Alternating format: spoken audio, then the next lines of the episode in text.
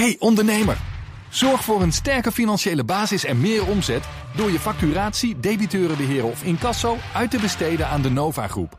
De Nova Groep? Ja, de Nova Groep. Kijk op novagroep.nl. DNR Nieuwsradio. Boekenstein en de Wijk. Hugo Reitsma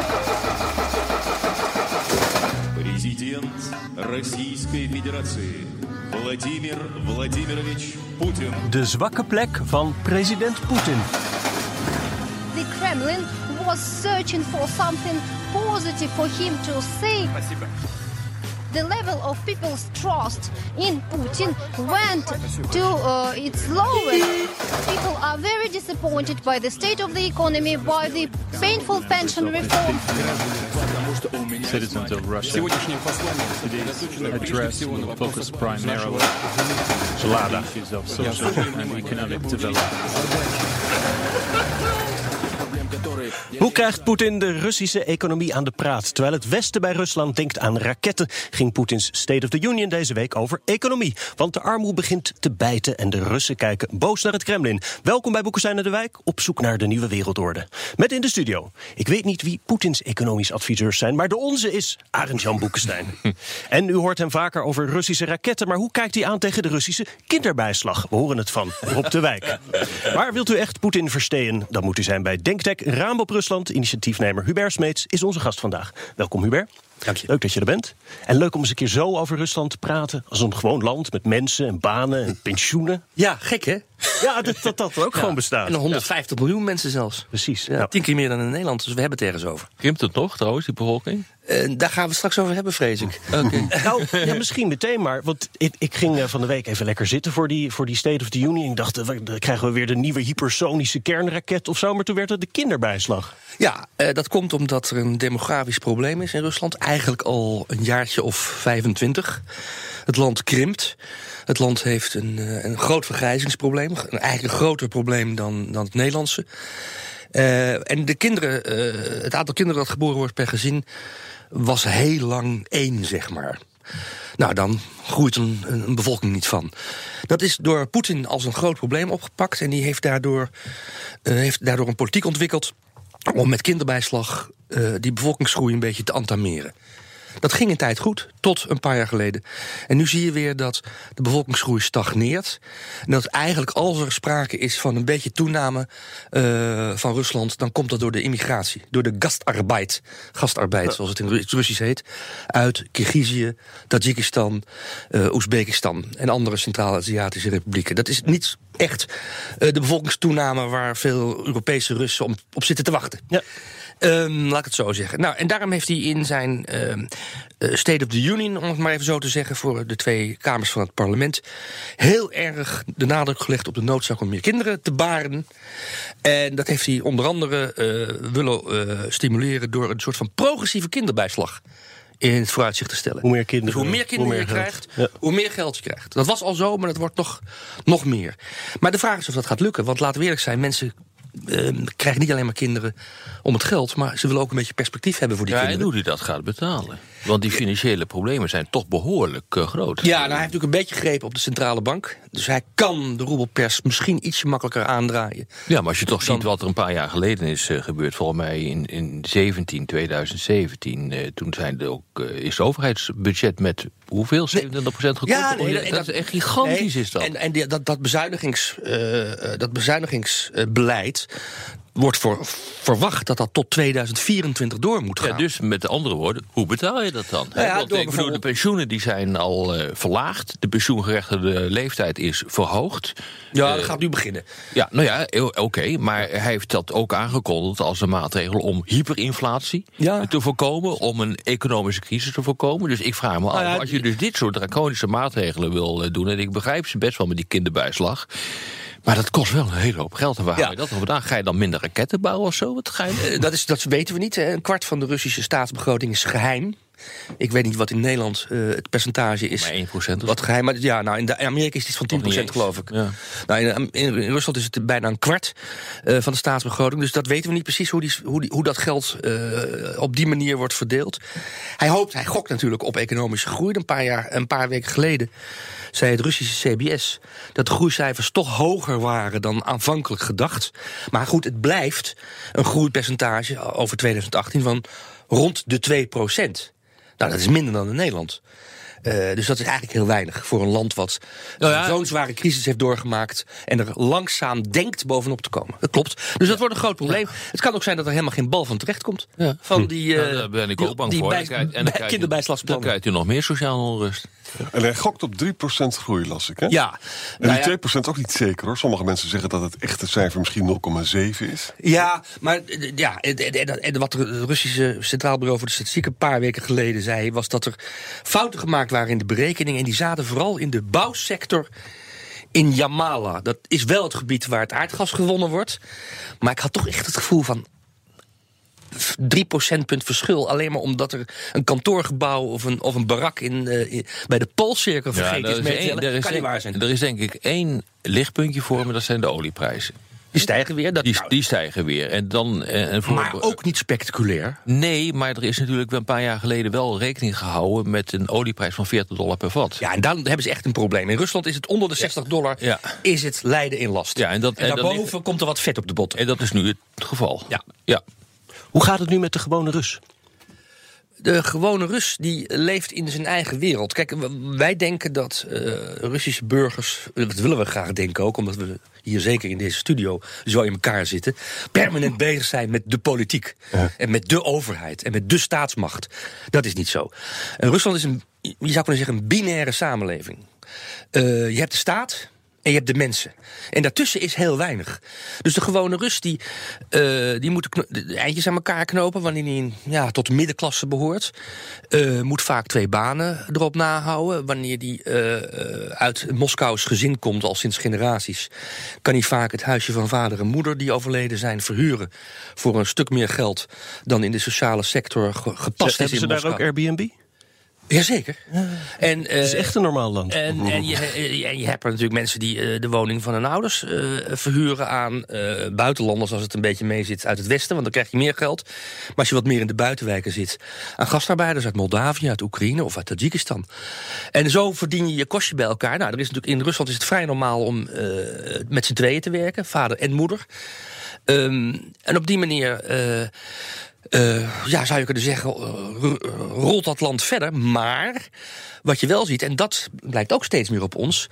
de private schuldenlast in Rusland is hand over hand toegenomen de afgelopen jaren. Dus als je kijkt naar de overheidsschuld, dan denk je... Ja, dat zit prima in elkaar. Dat is lager dan in Nederland, de overheidsschuld. Maar daaronder... eh, onder, die, eh, onder die, dat topje op die ijsberg, wat er leuk uitziet met een mooi vlaggetje. eh, van een deficit, eh, van een proficiet, zoals dit Rusland heet. Hè, dus een, een begrotingsoverschot soms.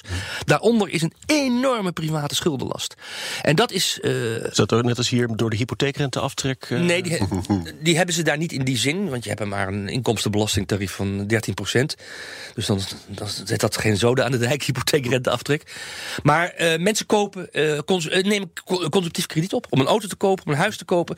Of al dat soort dingen. Maar wat En is steeds eh, meer ook voor gewone dagelijks leven. Wat is er nou in, ten diepste aan de hand in dat eh, land? Ik bedoel, ik heb niks van Made in Russia in huis. Ze exporteren eh, wapens. Nou, ik heb geen tank in de achtertuin eh, staan. Eh, een Nee, maar goed, een Makarov niet- zou je misschien kunnen gebruiken... om je buren je van het lijf te houden. Zo'n zo'n klein pistool. Ja, nee, zelfs, dat heb ik niet. nee, maar ze, ze zijn niet in staat om een behoorlijke auto te produceren. Nee? En ik bedoel, dat is gewoon één grote En hoe chaos. bak jij je eieren? Ja, in een tevelpan denk ik. Komt die ja, uit? eh, ja, maar wat staat, wat, hoe- de, de, de warmtebron? Oh, gas. Ja, die Gas. Komt, nee, nee, nee, dat wou ik zeggen. Wa- Wapens, gas en olie, grondstoffen. Ja, dat klopt. Nee, maar dat, de- er is dus geen industriële basis. Nee. En, en hoe kan het nou dat er in dat land geen industriële basis is? Nou, Wat ik- is dat nou? Ja, ik, ik, mag ik heel even... Ja. Die wapens is wel serieus, eh, serieus exportproduct. ja, nee, dat, dat weet ik ook wel. Maar eh, bouw eens een keer een behoorlijke auto. Waarom ben je gewoon niet in staat om eens een keer om, om, om Lada om te bouwen tot een automerk? Dat, heb je die nieuwe auto gezien van de president? Ja. Dat is dus gewoon een, een nagemaakte Rolls Royce. Ja. Eh, maar dan ook helemaal verkeerd. En dat hebben ze alleen maar gedaan om te laten zien eh, dat zij echt zonder die Duitse technologie konden. Want ze reden allemaal in Mercedes rond. En eh, dus moesten ze zelfs een auto maken. Maar dan doe je het ook helemaal verkeerd. Bedoel, daarom wil- zit er niet daarom uit. wilde een tien jaar geleden een van de grootste autofabrieken in Rusland ook Opel kopen. Ja. Om die techniek naar binnen te halen. Nee, Wat is Poetin, dit? Poetin heeft in 2000 gezegd: er is iets structureel mis met ons, met ons land. We hebben ons geld onder de grond zitten. Dat exploiteren we, olie, gas en grondstoffen. Terwijl wij, wij- terwijl wij de hersens van de mensen. Want Rusland is een hoogopgeleid land. Ja. hè, vergelijkbaar met Nederland. Qua eh, HBO en universitair niveau. Nee, de, de cijfers ontlopen elkaar niet veel. Eh, kan je discussiëren natuurlijk over de kwaliteit van het onderwijs. Maar als je, als je dat even buiten Nee, beschouwing laat. dat is waar. Dan, dan lijkt Maar Rusland dan is, het, dan is het nog wonderlijker dat ze niks behoorlijk kunnen produceren. ja, en dat komt omdat, dat, nou, dat komt omdat, eh, eh, dat komt omdat ze afhankelijk zijn, hè, eh, junken zijn van olie- en gasopbrengsten.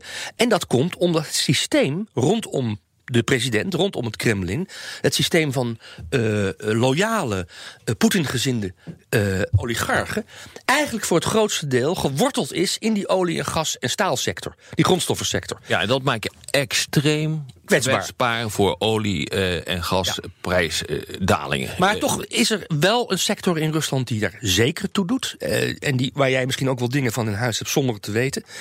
Eh, de belangrijkste zoekmachine in Rusland, Yandex, RU, Ja. is zo succesvol dat Google geen poot aan de grond gekregen heeft in. Rusland.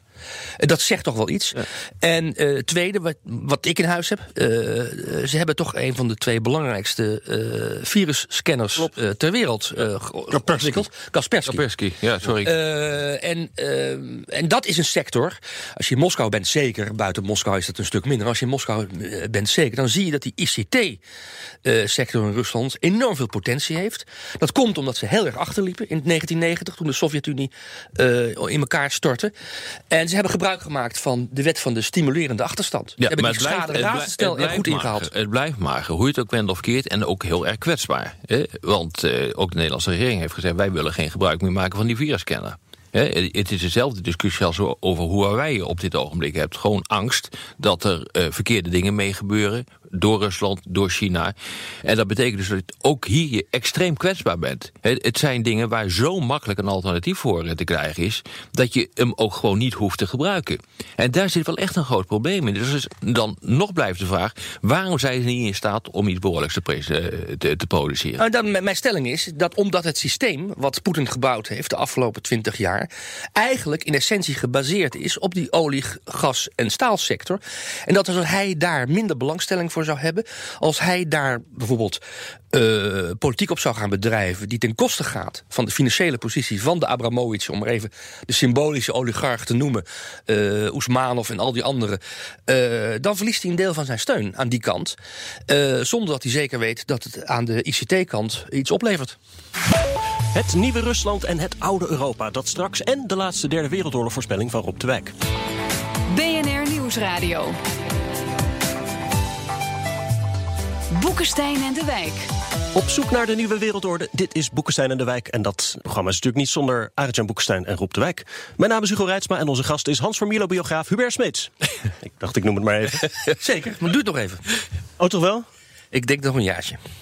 Het kost een paar centen, maar Poetins avonturen in Oekraïne en Syrië leverden hem wel populariteit op. En Arjan, het is toch eigenlijk jammer voor die man dat dat nu alweer zo snel is verdwenen?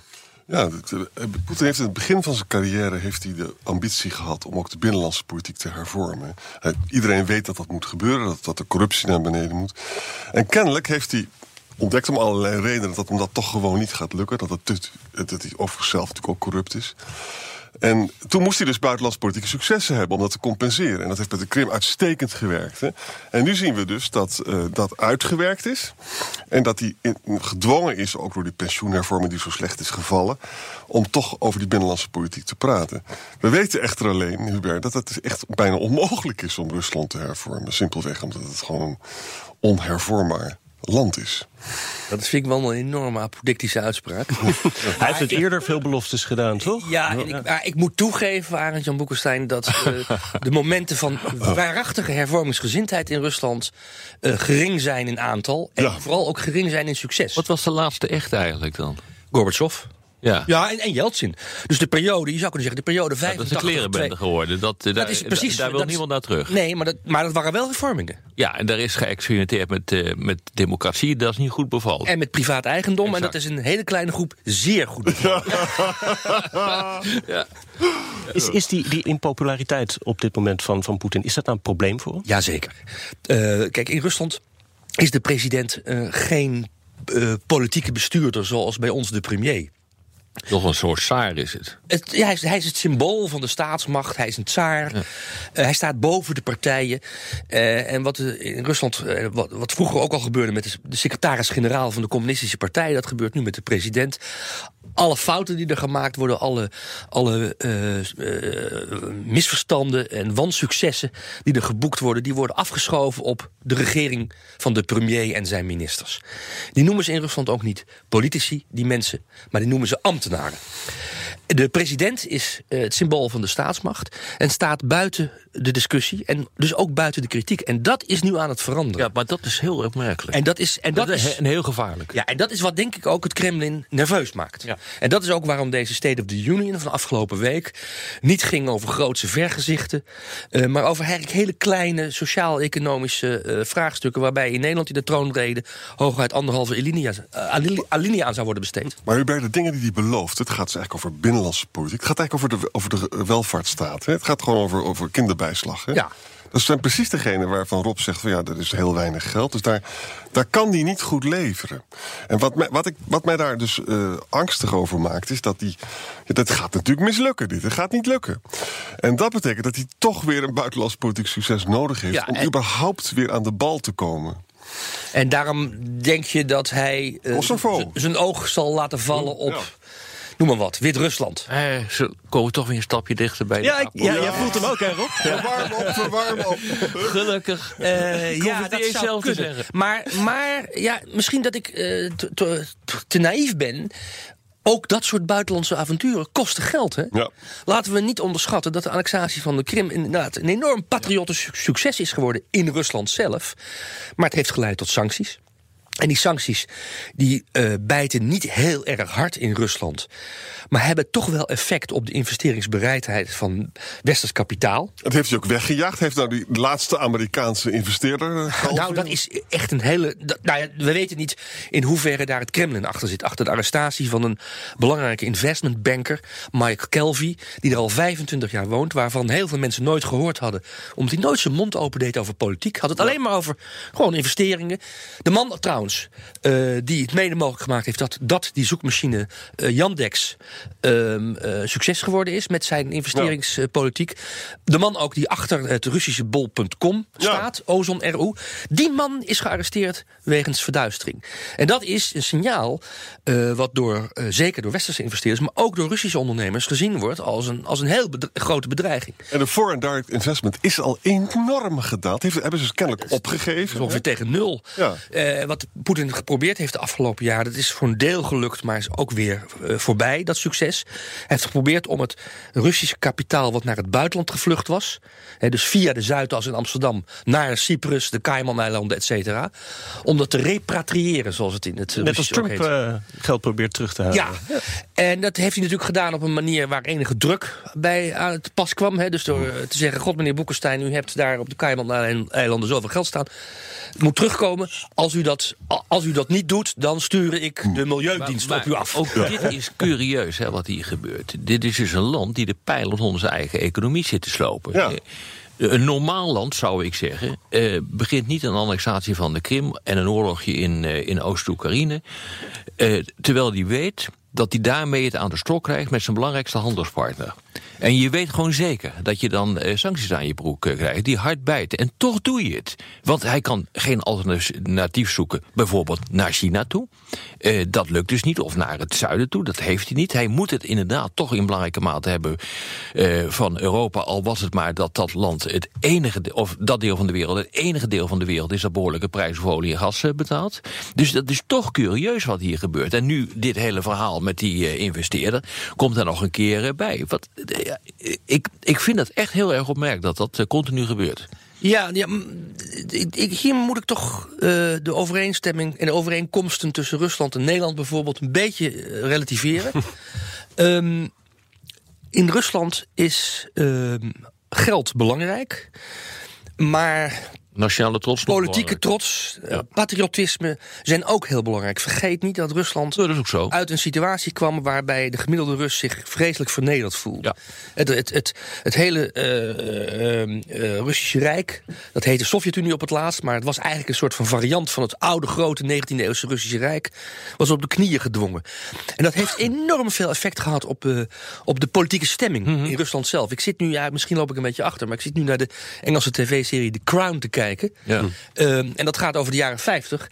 En dat, dat valt mij op dat ook daar het, eh, het verdriet en de woede over het verlies van de empire Ja. belangrijker is dan Nou, het opbouwen van de verzorgingsstaat. Nou, zo is het in Rusland ook geweest. nu een rol met de brexit. Dat denk ik ook. Z- zeker. Ja. Nou, ik denk dat eerlijk gezegd Nee, maar die Engeland en Rusland in die zin op elkaar lijken. Die deel ik. Die nationale sentimenten deel ik.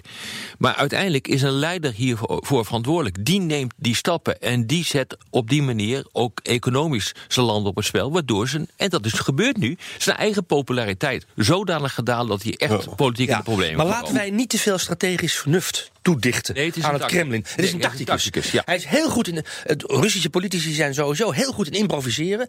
Eh, militairen trouwens ook. Dat hebben ze ook in het verleden laten zien. Ja. Ja. Eh, en, er en er komt nog bij. Maar strategisch, lange termijn denken is niet altijd hun sterkste. Maar Poetin heeft gek genoeg ook heel veel aan Merkel en aan de Poetin-versteers in Duitsland. Hè. Nord Stream. Merkel vecht als een leeuw voor Nord Stream 2. Hè. Nederland stiekempjes ook. Ja, we zitten er voor 10% via Shell in. Ja. Ja. En, en, en, en waarschijnlijk, Merkel doet er alles aan om de Europese Commissie te beïnvloeden dat dat niet gaat verbieden. Er wordt een keihard gevecht is aan de gang. En, en Poetin weet dit. En, en, en het, het is, Baltische staten zijn woedend, Oost-Europese staten zijn voor een deel woedend. is Hè? woedend, die wil dat, eh, Ja. dat Nord Stream 2 gekild wordt. Ja. Ja. Maar ook omdat ze dan hun eigen gas kunnen verkopen. LNG. Jawel, maar nou ja, weet je, kijk, hi- hier is ja. Poetin, of eh, sorry, Trump heeft al vaker een punt. Eh, komt er alleen wat rottig uit vaak.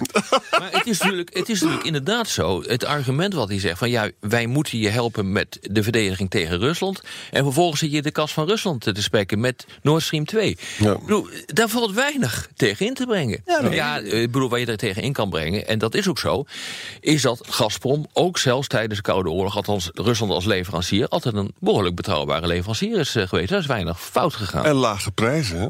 Als, nou, als, lage prijs is, dat valt wel mee. nou ja, LNG is in ieder geval veel duurder. Ja, dat is duurder. Ja. Ja.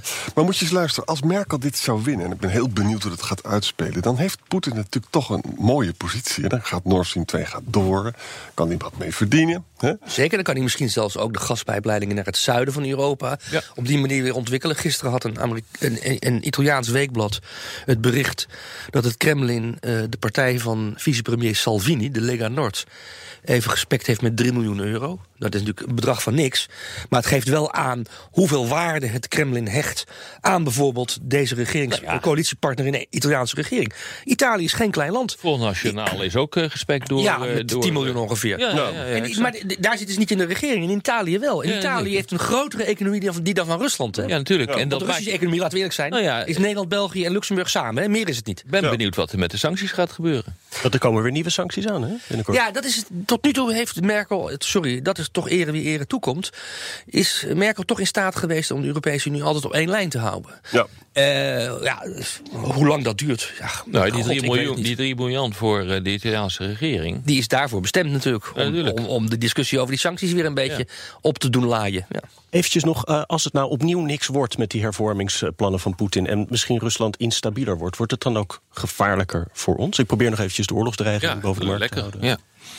Ik denk dat een, eh, een, een gewond Rusland eh, meer problemen voor ons oplevert of gevaarlijker om jullie apocalyptische stemming een beetje te stimuleren Gelukkig. eh, dan, een, dan een tevreden Rusland. Maar tegelijkertijd hebben ze het Midden-Oosten, heeft, hij- dankzij Trump, heeft Poetin een geweldige positie daar. Ja.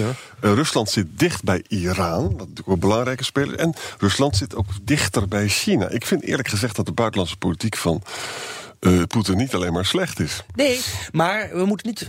Dat, China, dat wordt heel erg overschat, denk ik. Uh, al is het maar omdat um, driekwart van de, de Russische burgers... die woont in het Europese deel van Rusland. Mm. Ja. En die zien ook hun toekomst toch meer verbonden met de toekomst van Europa... dan die met de toekomst van China. Maar kan, kan Poetin hierdoor vallen? Nee, dat denk ik niet. Kijk, het, de politiek van Poetin, in de binnenlandse politiek van Poetin is erop gericht geweest om alle potentiële oppositie en alternatieven kapot te maken, zodat alleen de punkband uh, Pussy Riot overblijft als oppositie. nou, als je voor die keuze staat, als ik, laat ik het zo zeggen, laat ik niet spreken voor de Russen, maar voor mezelf. Als ik zou moeten kiezen tussen Poetin of, de, of Pussy Riot punkband, dan zou ik voor Poetin kiezen. Tijd voor de luisteraarsvragen. Tenminste op de podcast. Luistert u op de radio, dan doet u zichzelf tekort. Ga naar iTunes, Spotify of uw eigen podcast-app. Daar kunt u ook vragen stellen en commentaar kwijt. Vraag van Jasper de Vries. In juli lopen de sancties... Oh, net, sancties hebben we net gedaan. Uh, Dirk Kwakkel. Is de Eurasiatische Unie een potentiële economische motor... die Rusland en andere lidstaten uit de slop kan trekken? Of meer vergelijkbaar met het Warschau-pact... een, een soort uh, vazalstatensysteem, uh, Hubert? Nou, de Euro-Aziatische Economische Unie heeft drie lidstaten. Kazachstan, Rusland en Wit-Rusland. Uh, van die drie is er één heel groot. Kazachstan? Uh, ja, qua nee. oppervlakte. Maar, maar, ook qua Rusland. Hè? Ja, ja Kazachstan is een heel rijk land. Ja. En dat is ook toevallig het land wat uh, zo min mogelijk met die Euro-Aziatische Economische Unie te maken wil hebben. Exact, zo is het. Ja. Um, dus um, het is, laat zo zeggen, het is geen echt groot succes tot nu toe. Um, en zeker zolang Oekraïne geen deel is van exact. de Euro-Aziatische Economische Unie, daar ging het vijf jaar geleden voor een deel om, Ja. zou Oekraïne naar die kant gaan, naar de Euro-Aziatische Economische Unie of naar de Europese Unie. Zolang Oekraïne zeg maar kiest voor Europa, wordt het, ja, is het behelpen. Is gewoon veel te klein, de Euro-Aziatische Unie. Daar kan je geen deuk mee in pakboter slaan.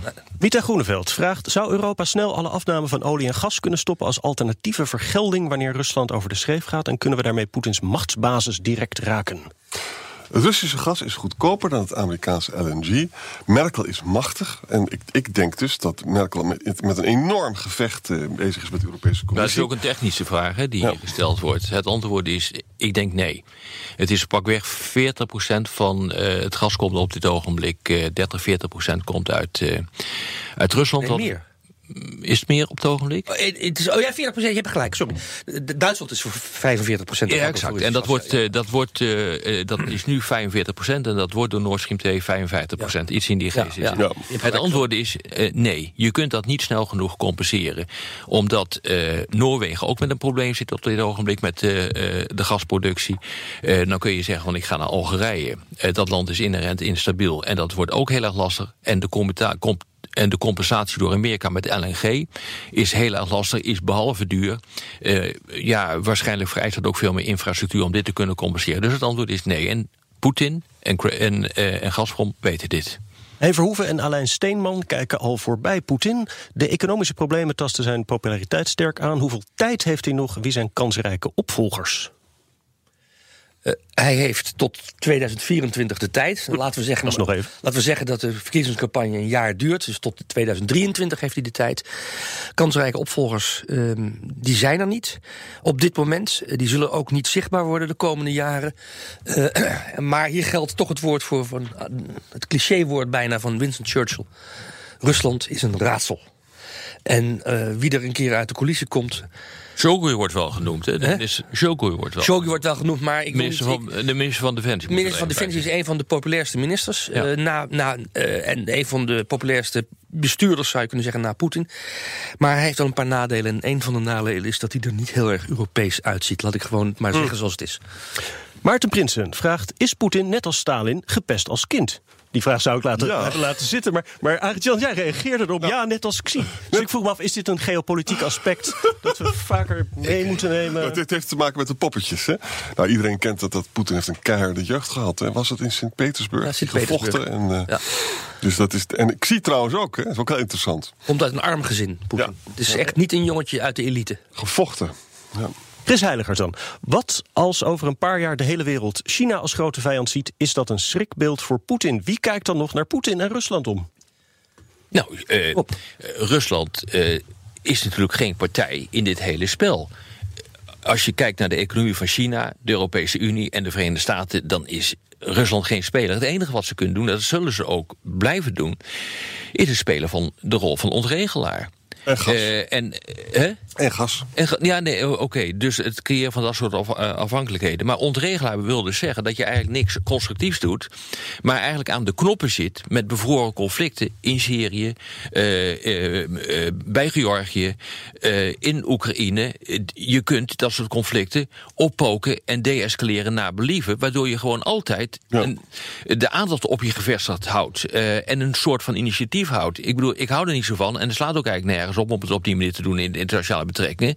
Want eigenlijk ben je gewoon niet meer dan dat dreinende kind op het schoolplein. Wat gewoon heel erg vervelend is. En er zit een stampvoet en iedereen zit te terroriseren. Maar uiteindelijk niks voor elkaar krijgt. Dat, is, Snyder? dat is denk ik het grote probleem hier. Timothy Snyder schrijft in dat prachtige boek hè, van The Road to Unfreedom van... eh, Poetin kan Rusland zelf niet hervormen. Wat hij wel kan doen, proberen is om Europa te ontregelen. hè. Precies, dat is het hele punt. En, en dat is eigenlijk wat er gebeurt ook. En vrij succesvol overigens. Ja, het is overigens een hele oude traditie in de Russische buitenlandse politiek. Vanaf zou je kunnen zeggen Napoleon. Als Thierry Baudet een Nexit bepleit... dan vindt, zit Poetin te spinnen in het Kremlin. Als een poes. Ten slotte nog een lieve vraag van Arnoud Kok. Is Poetin gelukkig?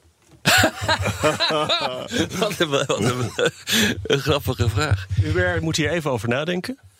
Zou die Moeilijke vraag. gelukkig- Dit is- een dit hele is- moeilijke dit is een- vraag. Dit is een leuke vraag. Ja, heel gecompliceerd zelfs. Ehm, ik denk, misschien dat ik te veel sympathie voor hem koester. Ik denk dat hij niet gelukkig is. Ik denk dat dit niet het idee was 19 jaar geleden toen hij president werd. Hij is, eh, bijna, hij is 65, zeg maar. Ja. Hij eh, schijnt een jonge vriendin te hebben. Ja. Dan wil je toch andere dingen doen. Ja, zielig eigenlijk. Als je die foto's van hem ziet, een soort verbeten man. Misschien is hij gelukkig als hij in, wat is het, Voorschoten is. Waar is Daar, daar woont zijn dochter Oh, niet meer. woont hij daar niet nee, meer? die is weg uit de Krimwijk in Voorschoten. Ja, nee, die is daar weg. En waar woont hij nu dan? Eh, al- Die woont weer in Rusland. Oh, oké. Nou, misschien En, is hij en gelukkig als haar hij man. Jurit van der Van Vaas of van der Vaassen, die schijnt ook weer in Rusland te wonen. Oh, ja. Nou ja, Rusland is eigenlijk toch een beetje een normaal land. En Poetin ook wel een beetje een normaal mens. Omdat hij niet Met zijn is. betere en zijn slechtere momenten. Dat denk ik wel, ja. Dit was weer Boekenstein en de Wijk. Namens Arend-Jan Boekenstein en Rob de Wijk zeg ik dank voor het luisteren. Speciale dank aan Hubert Smeets en aan de voetbalmilf. Eh, want die had nog een prachtig commentaar achtergelaten op de podcast-app. Dat ze altijd zo geniet van dit programma. Alleen daarna wel naar de supermarkt rent om te hamsteren vanwege de naderende apocalyps. Tot volgende week. У меня в кармане есть мани И нет таких проблем, которые я не решаю А по-другому быть не может, у меня есть мани Меня все рады видеть, меня давно все знают И говорят, он Парень, у которого есть мани Когда я зажигаю, вокруг девчонки тают Всегда в хорошем настроении, у меня есть мани И каждая пытается привлечь мое внимание Все от того, что они знают, у меня есть мани Поднимайте руки, топайте ногами Подпевайте вместе с нами, у кого есть мани Мани, мани, мани, мани, мани, мани Мани, мани, мани, мани, мани, мани Мани, мани, мани, мани, мани, мани Приятно, когда денежки лежат в твоем кармане мани, мани, мани,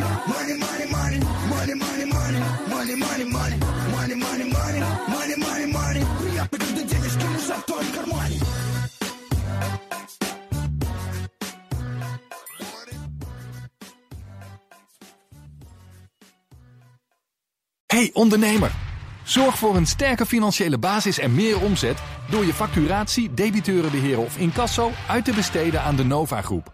De Nova Groep? Ja, de Nova Groep. Kijk op novagroep.nl.